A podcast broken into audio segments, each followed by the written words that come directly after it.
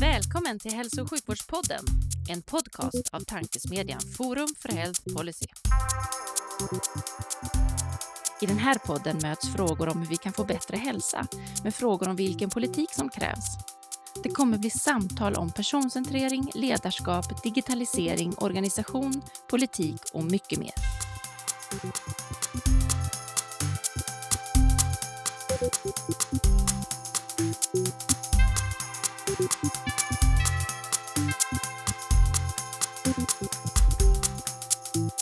Hello and welcome to a new episode of the Healthcare Podcast, the podcast from the think tank Forum for Health Policy, where we discuss the large perspectives on health and healthcare with initiative in individuals from different parts of the system. Today we'll focus on e-health and Denmark, and I would like to welcome Claus Duedal Pedersen to the podcast. Thank you. Yeah. Thank you for having me. I'm really looking forward to this. To this, there were uh, a, a bunch of people from Forum for Health Policy visiting visiting you the other month, and they say you need to talk to to Claus. This is uh, will be so interesting. Yeah, of course, and I'll do that. so how is how, how is life uh, Friday in November?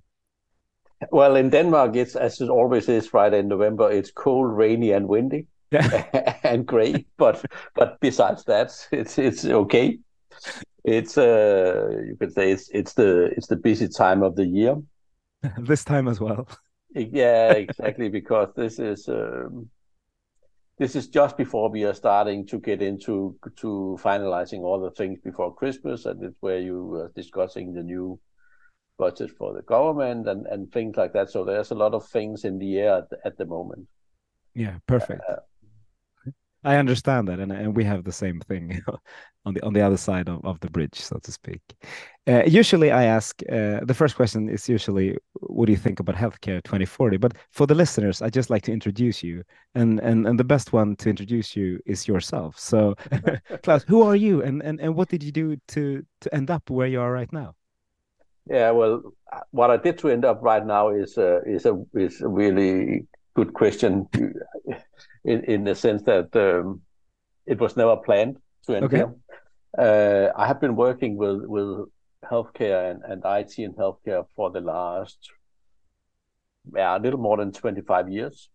I have I have been around in the in the Danish healthcare environment or e-health environment, whatever you, you want to call it, for for a number of years yeah. or for a long time. I was actually started my my my journey in, in this field um, in the mid 90s, where we implemented the first electronic medical record in a Danish hospital in the county of Funen, where I was employed.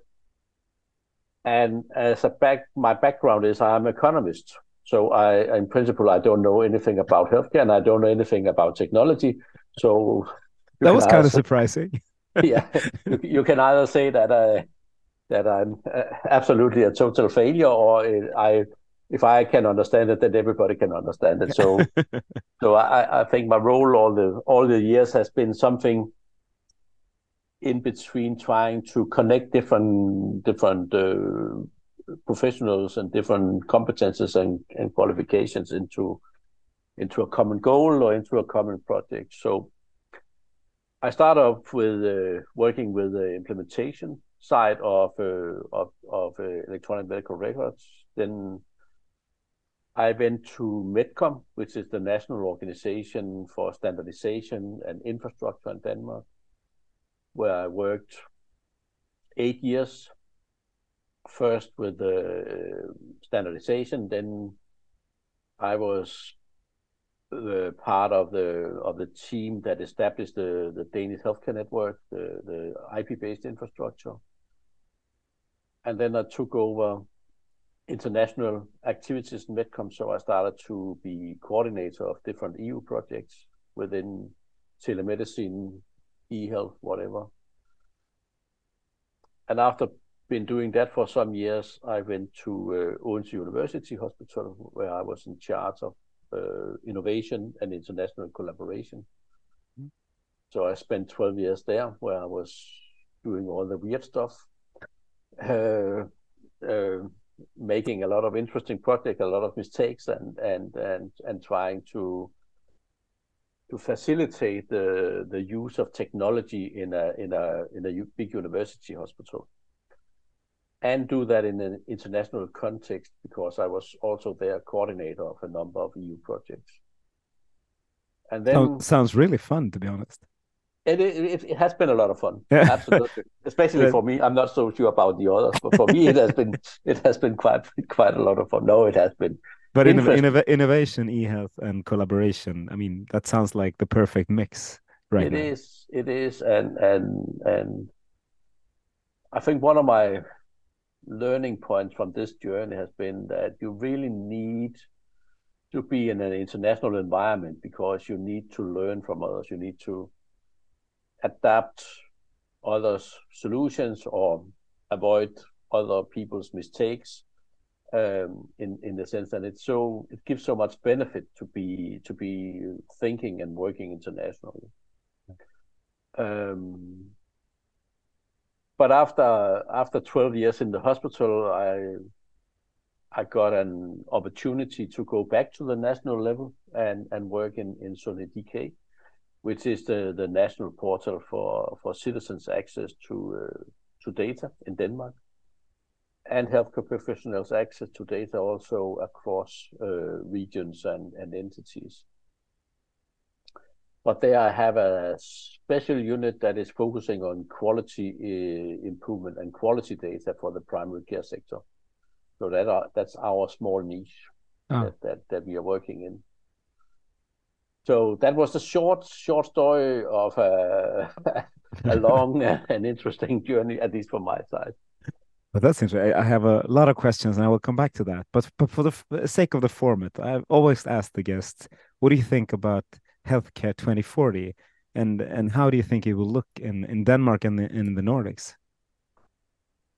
I, I, I think the you can say the the standard answer to this question is that uh, that we will be uh, we'll be looking at, a different healthcare system because there is so much uh, pressure on the on the demographic development, the lack of healthcare professionals, and uh, the increase in in possibilities, the the new medication, the new opportunities. There is in personalized medicine, that is in, in new drugs and, and so on, would put a lot of pressure both economically but also when it comes to resources. I'm not I'm not so sure that we would have made radical changes in the way that we have organized our healthcare systems when it comes. There has and, and still are an an ongoing discussion in, in Denmark and I think most of the Scandinavian countries around the the relationship between primary care and, and secondary care and and, and GPs and and prevention and, and hospitals. In Denmark, we have just like the, the, the other Nordic countries, we have been on a on a journey where we have been closing hospitals, we have been moving patients from inpatients to outpatients, we have been reducing the length of stay and so on. We have been doing this for the last 20 years. Yeah. All all the time I have been in healthcare, we ha- it has been one one goal is to either avoid people going to hospital or if they get got to hospital, kick them out as, as soon as possible. Uh, so you can be you can only go into hospital if you are unconscious, and you will be unconscious when you are leaving the hospital. Uh, more sounds think, sounds dramatic. Well, that's the mantra. If you, yeah. if you it's, it's, it's a correct correct tool about it, but but more or less saying that we really we have been really working hard you can say on two things in denmark one is increasing the quality of the hospital services by centralizing getting the right volume so that you can actually yep. deliver a really high quality uh, healthcare service in the hospital and that has been on the cost of um, I wouldn't say accessibility because Denmark is so small a country that you can also have access to a hospital, even though that your local one is closed. It's you then just have 20 or 50 kilometers to the hospital. It's still access. Yeah. Compared to if you live in Norrbotten or something like that, exactly. where you maybe have 800 kilometers or what do I know to the to the next hospital. But we have closed. When I started in, in healthcare, there was around 160 hospitals, and today we have 20. So, so yeah. we have been closing hospitals like I think nobody else in Europe. We have managed, I think, to increase the quality of the of the service that are delivered dramatically when we look back. So, uh, what, what do you measure when you look at quality? Well, I, it, mean, it's, you... it's survival rates of uh, cancer patients. It's it's it's whatever. It's you can say it's the clinical quality. And, and and I'm just curious because I mean there are so many things right now happening. It's new medicines, it's new processes, it's new knowledge. Yeah. Uh, and and if you remove that, uh, have you? I mean, have you looked at at the system? That's a broad question. yeah, you you can say if you looked 25 years back, then every every hospital was doing all the surgery. So yeah. it means that you had a gastroenterologist who was maybe seeing four or five cancers a year they never got the they never got the the volume that could make them good surgeons and and the whole the whole exercise was to get to a certain volume to actually be able to develop your your your specialty to develop the skills of the people that were doing it get enough volume around patients knowledge research and so on to to um, to get to an acceptable level. To be honest, we were not at all hospitals delivering a good quality when you are looking 25 years back. But now it, now, now it we, looks we, much better. So. Yeah, I think yeah. we succeeded in, in that part. Yeah. If I had consequences, because centralizing and making big, uh, bigger and bigger hospitals has also consequences for maybe the patient experience and other things. But Secondly, we have reduced the length of stay to from I think maybe eight nine days to now two point three three days or something like that. Um, and I think we are at the edge at the moment of how low you can go. Yeah. So so so if you're looking to to 20 years ahead, I, I think we are not I don't think we will see dramatic changes in the length of stay. We'll still see a large number of patients that will go into hospital when they are needed. But I think we'll continue the journey that we are on to try to keep them away from hospital as much as possible. And we will become better and better in doing that. That also means that we will have to develop and have been developing different kind of telemedicine services so that you actually can care for patients in other places than in the hospital. Yeah. The hospital will move closer to home or be part of, of the home. It has dramatically consequences for the primary care sector, for the municipalities and the GP, because you move the burden from a highly specialized, highly well trained system into a system that is just like in the old hospital in the old days they don't see that special type of patient that many times. Uh, a GP maybe sees eight or ten colon cancer patients or whatever. So the care will be will have to be supported by other means also if you want to keep up the quality. Yeah. And, and I think that's for me, it's, it's quite interesting to see this. Where where where are we? Where will we be in in 20 years in this? You can say this this movement between primary care and secondary care. Um, and and and due to resources and also due to, to development in technology and opportunities, we will move more and more patients to towards a home-based environment somehow. Yeah. Um,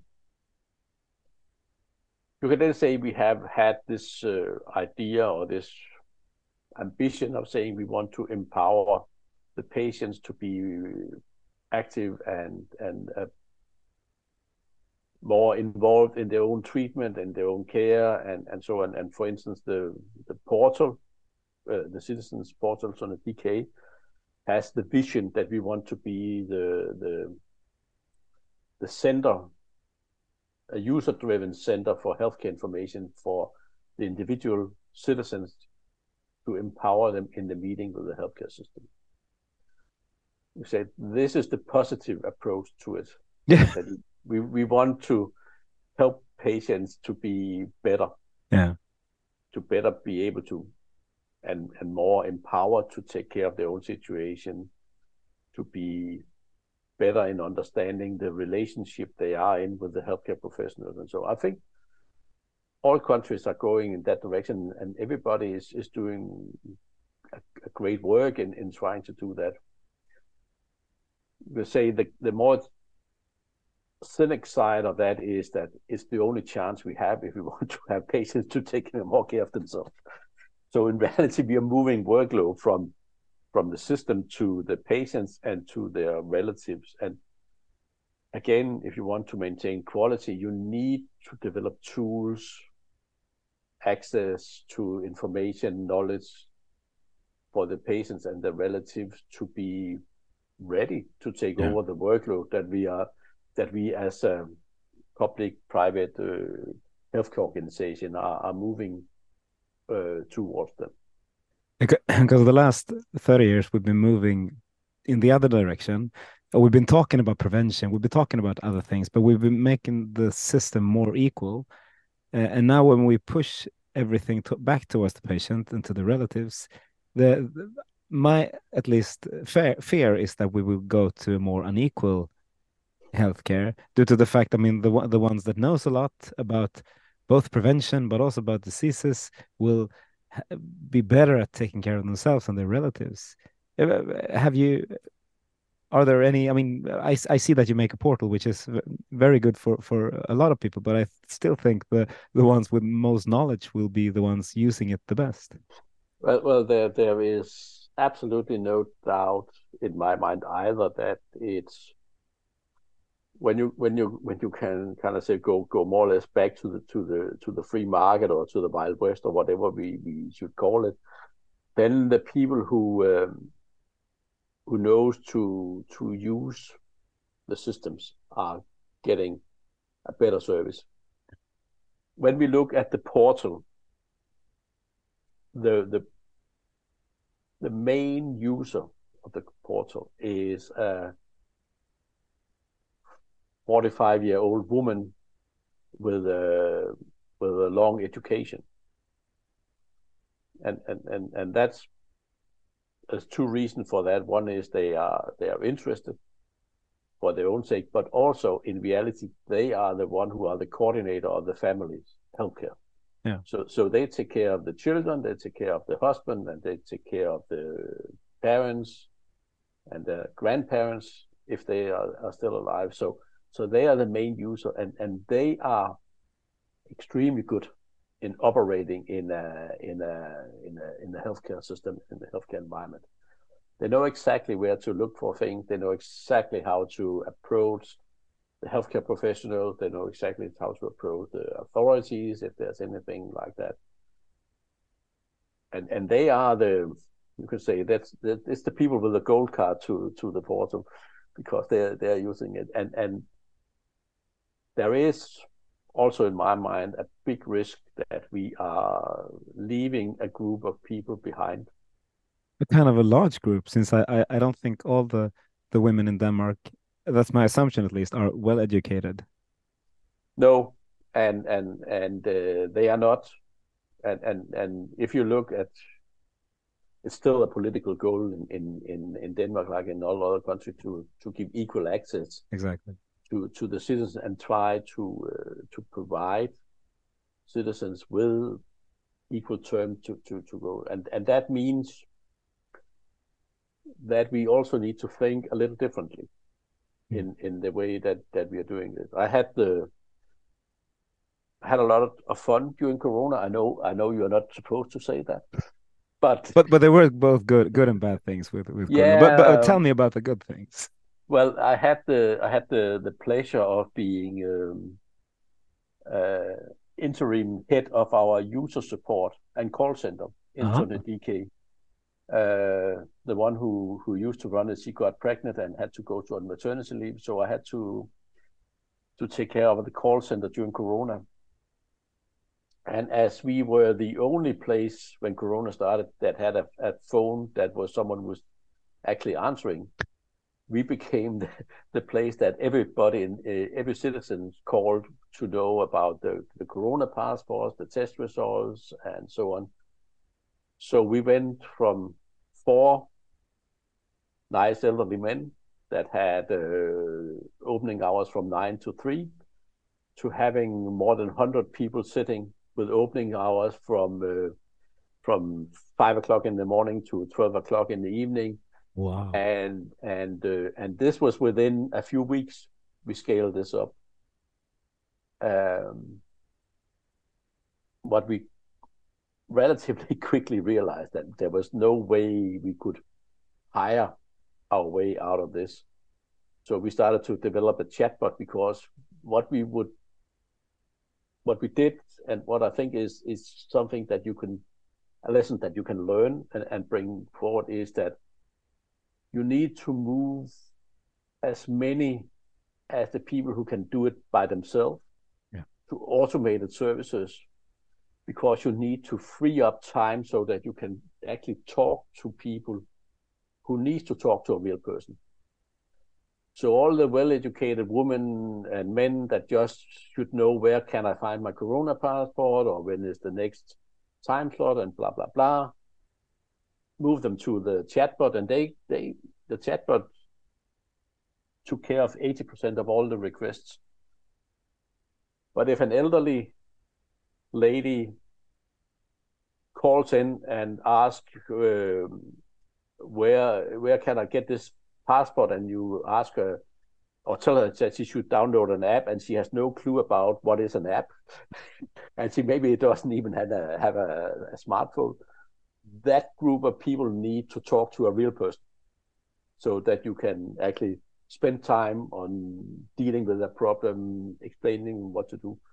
And for me, the experience during Corona was that we really need to focus on moving as much as possible of the of the of the well educated, uh, well trained people to taking care of themselves by automating as much as possible, not to reduce the, the, the resource we have for that, but actually to be able to take care of the group of people who doesn't have the ability to deal with it by themselves. And, and I, I really think the healthcare systems need to take this seriously because we will be under pressure yeah, without doubt, and and and that leads me to to digital triage, which I think is, I mean, one of the most healthcare is one of the most suitable areas for doing that. But still, there is nobody that really trusts that kind of digital solution, and and Babylon Health and others are are leaving the market due to the fact that they, I mean, the market couldn't handle it or it wasn't ready. I'm not sure.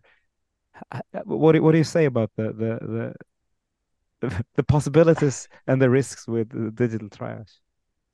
I, I think there is um, there's definitely a potential in um, in um, in using you can say any kind of technology, but but probably we all now think of some kind of AI technology to uh, to help both to identify people that maybe need to be moved faster through the system or, or to automatize as much as possible. In my mind, it's we are not there yet where you can where you can you can leave that to uh, to any kind of AI system in, in that sense. But you can build tools, support tools that help the clinicians to to uh, to to do that and and and of course you can you can uh, you can build models that actually uh, kind of of uh, re remove workload from the clinicians if you let the patients or the technology prepare the meeting between the patient and the clinicians. For instance, if you are, I don't know if that's the case in, in Sweden, but in Denmark, sometimes you are in a in a telephone queue waiting for to get the out of our doctor. It, it happens here It as happens. well. But why don't we spend the time collecting data while the patient is there? You could have a you could have a voice bot that is starting to talk to the patient. Okay, what are your problems? Blah blah, and and that can be that can be quite efficient. yeah. and and then you can you can you can build that into the preparation of the clinicians when they meet the patients. Maybe the the, the chatbot or voicebot could take some of out of the queue. That would be of course nice because they you they realize that you can take two aspirins and call next week because that's probably what the doctor is going to tell you. But but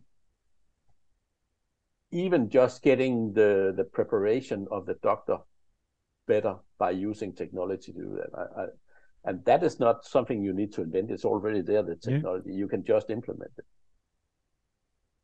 Yeah, without doubt. And I mean, uh, I, I don't know if do your EMR systems do they have uh, voice recognition or how, how far have you come there? Because because that is for me another thing. If you're if you're in an ambulance, for example, of course you should have have voice recognition so that you can uh, you can sit sit at the hospital and, and, and know what what happens in in the ambul ambulance Yeah. and so Yeah, yeah.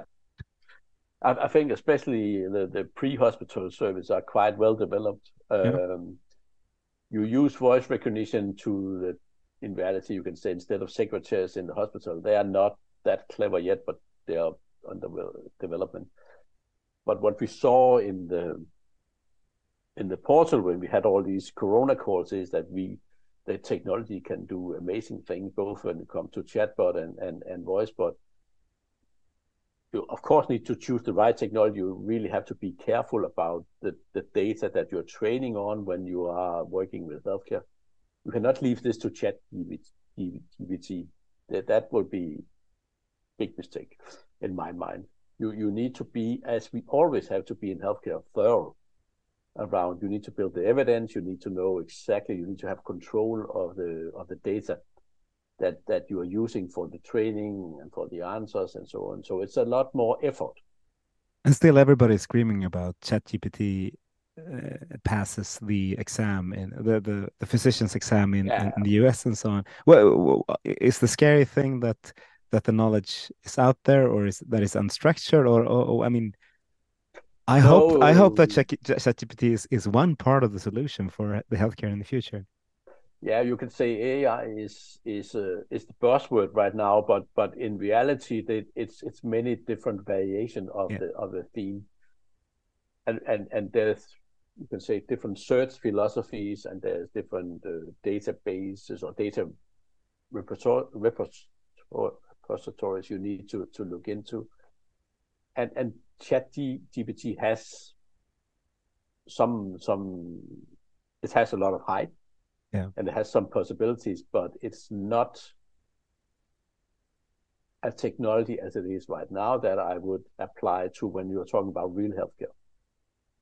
There you need to go back to the good old terms in healthcare that you need to be in control of your data you need to make sure the quality of your data and you need to be in control of what is going on. So you need to build evidence-based value, uh, versions of what you are doing. As soon as as long as it comes to actually using it for for uh, decision support or, or or interaction with patients or whatever it's it's it's it's two different mindsets that uh, in in my mind you need ChatGPT is perfect if you want to, ra- to write a strategy because it's just bullshit coming out, and and strategies are just bullshit, and and nothing nothing happens if you if you make a wrong strategy. no, that's that's very true. So, but but something happens if you use a technology that just invent evidence Yeah. like ChatGPT does, and you try to apply it in a in a medical condition with a with a person on a on a on a medication or on a on a in a surgery. And and I, I- I fully I fully understand the the hype around because it's if you try to use it, you can actually get a lot of funny stuff, and you can for programmers, it's it's it's it's a good tool to have. But in my mind, we have to to stick to what healthcare always has been. It has always been evidence based. Yeah, it's been ev evidence driven, but but also sometimes a little slow, and, and a little slow at adapting new things. And if- I'm I'm just curious because because the what I really like with with the new tools is is the speed and the speed that they learn and get better. Uh, and, I'm I'm a little worried that if we just leave that out, it might be so that we we are slower than we should be, uh, and that may be lives that we are risking. So we are risking in in in, in any way. Absolutely, as, as a, we are, but but and, and sorry because I'm I'm an old grumpy man. So so so but but but I really I learned the hard way. Yeah. That that if you want to change the healthcare system, if you want to impose new new technologies, you cannot skip the steps in actually you can see being a good scout and and and and, and doing the things that you should do. You need to, to bring the evidence because the, the the citizen trust us as healthcare system that we are not harming them or we are not doing something unless we know that this is actually what is what is working. And I know it takes time. It takes ages if you're trying to to change something. And sometimes the, the evidence are there, but then we haven't changed the incentive structures, and then you can't change it anyway. So so so there are many many reasons good and bad reasons why why technology uptake in healthcare is uh, is so slow. And of course, we need to work with the speed of bringing new knowledge into the healthcare system. There are many different ways we need to do that, and and not not all what we do in healthcare systems today are evidence based. There's also a, a number of procedures and things that we are doing because that's what we are normally doing, or that's what we have been doing for the last 30 years, but nobody nobody can remember why we are doing it. And sometimes they harm the patients more than they, they benefit the, the patients. Mm. But but in my mind it's it's it would be a big mistake to trying to skip or go around the the the, the the uh, demand for, for, for actually developing and, and and bringing evidence to the to the table if you want to, to do something. And I know this is annoying because it takes time and it costs a lot of money.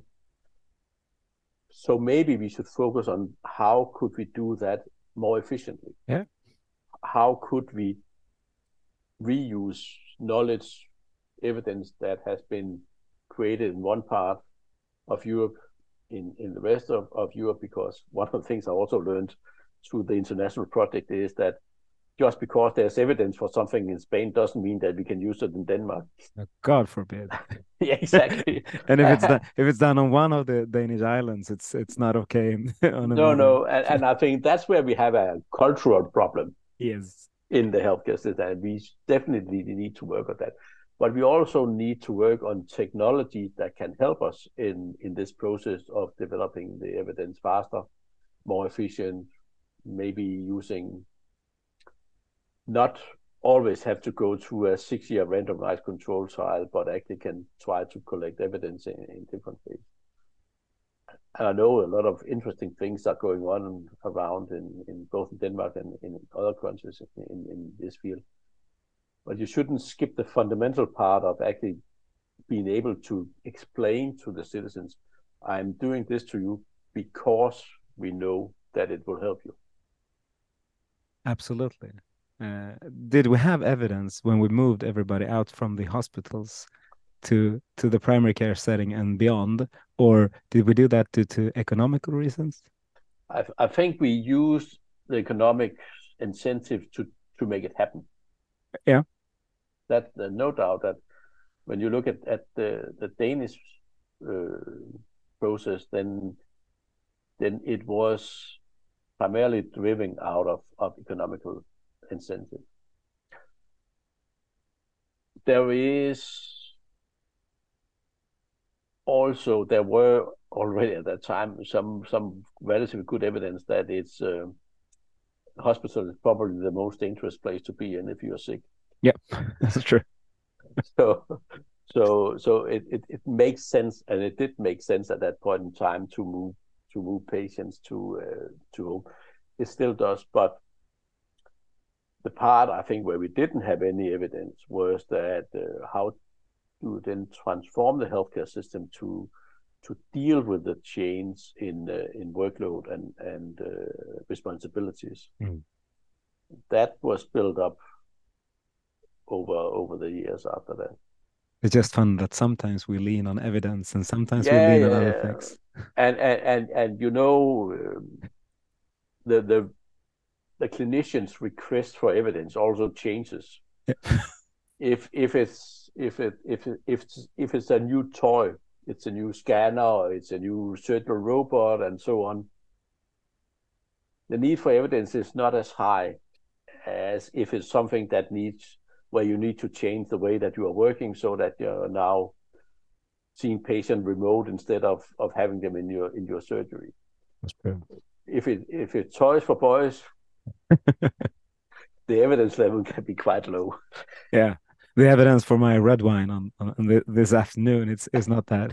no, exactly. that good either, but I mean, it, I still will enjoy it. Exactly, but but but I, uh, in my mind, as a principle, we should actually honor this that we are yes. working with this and and and with all the the failure and human errors that we all do. I think it's it's. Uh, and and going back to you can say the the AI and the chat GPT and so I I think that's that where we will see also in the future the the difference between things that are done you could say with on the wild internet and things that are done based on data structures that is under control of the healthcare system. Hmm. It will be more costly without that to have it in inside and controlled and, and that, that's that's that's how it is. Yeah the question is if it will be better or not and that you will not know until until we're there. Yeah. I, I think i've been working so much with with, with research project and and and and data collection to know that even the healthcare data we have today is in Denmark, we say, and we have actually quite good data, and they are well structured and well organized due to the standardization and so on. But every time we go into um, to a research project where we really need to look deep into the data, we realize that we need to improve the data quality. Yeah, that's the same in Sweden a lot of times. Yeah, yeah, yeah. So that that's just how it is. Yeah. And, and, then you of course can can look at the data outside and understand that that's not a structure at all. So so so I, I mean i see the point about that data validation and and that the data is better within healthcare. It's just when you have that large amount of data that you will have for for example with ChatGPT when when does that get as good as the uh, less amount of quality data? Yeah. Um, well well I, I don't know. I, I I honestly have my my my doubt, and I can be completely wrong that that it will will get to to that point when it comes to the really difficult uh, procedures. When it comes to identifying a, a cancer polyp or, or, or, whatever then you really need to have the, the right data because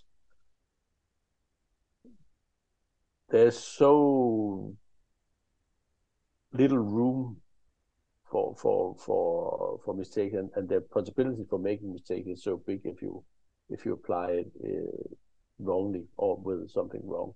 Mm. And we will be met met with a request from the citizens and not at least from the politicians about that uh, it should be right what you are doing. Yeah. Um, also because no politicians want to put be the one who has approved something that then turns out to be to be a big mistake or cause harm to to a group of citizens. That's true. So, so when you look at all other countries and, and systems, uh, uh, what, what kind of uh, solutions do you like to steal from other countries? Are there any, any are there any things that then would make the, the Danish e-health system better? I, I think when, when I look, there's there's a number of, of interesting things going on. One of the areas that is, I think, most needed, but also has the biggest potential across Europe, is the whole mental health area, where we see where we see technology as a enabler, but also as a tool that actually can deliver both access, equal access, also clinical outcome that is uh, sometimes even better than than face to face treatment, um, and and there is. I've seen a large number of services within different fields in, in, in the in the mental health area that is uh, easy to to replicate or, or import in, Denmark, and I, I, a lot of effort is put into. It, but for, for me, that that is the that is really one of the low hanging fruit in, in in healthcare, is to combine technology, knowledge, access, equality, and and mental health into uh, large scale implementation. Uh, the evidence is there for a lot of the services. There has actually been good evidence building been built up in, in, in that. Technology is there. We are lacking the, at least in my mind, the the courage to implement it at scale, saying this is now how we are doing it. This is what you are getting. Um, so, so that's one area where I think we could actually steal a lot across. Europe. um, the other, I think, interesting thing that is going on right now in uh, in Europe is um, the whole discussion around open EHR, where you in Catalonia and England and other places are trying to rethink the way we build our electronic medical re records and and and rethink the way that we can use an open standard and open access to uh, to improve the market condition to to get new players in to avoid these big monopolies that is more or less uh, going in in uh, in uh, in many countries. Like in Denmark we only have two EMRs for hospitals now which means that we pay a lot of money for, for that. And we don't have the market to be agile. No. To develop new service. And I think for me, it's really interesting to follow the process they have in uh, in uh, Catalonia and, and places in UK, and I also actually think some Swedish regions has joined together to to to build on on this uh, philosophy. It's it's it's still it's still a little uncertain where they will succeed. Uh, I definitely hope they will, because I I like their approach. I like the thinking about giving a more open access to to different vendors that can compete about delivering services, solutions, and whatever. Combined with that, you has as a public entity full control of the data. Uh, uh, that, that's for me really interesting, but also because I've been working 25 years with standardization. So, so, no, so it's, it's, kind of a dream. and I really agree. I, am I'm pretty convinced that it will will be a success. I'm not sure when. I, I mean, it, it might take a little longer than we than we hope, but uh, but still, it it needs to take place. It's it's just something that happens in other areas outside of healthcare as well. Yeah, it is healthcare is just a different ball game, but but that doesn't mean that we can't uh, that we can't do it in in healthcare. No, healthcare is, is a different different ball game, but but still, it's I mean, there's a lot of similarities, even though we need to be more cautious when it comes to new things, because yeah. that yeah. I agree upon. But but still, we should implement them when we can.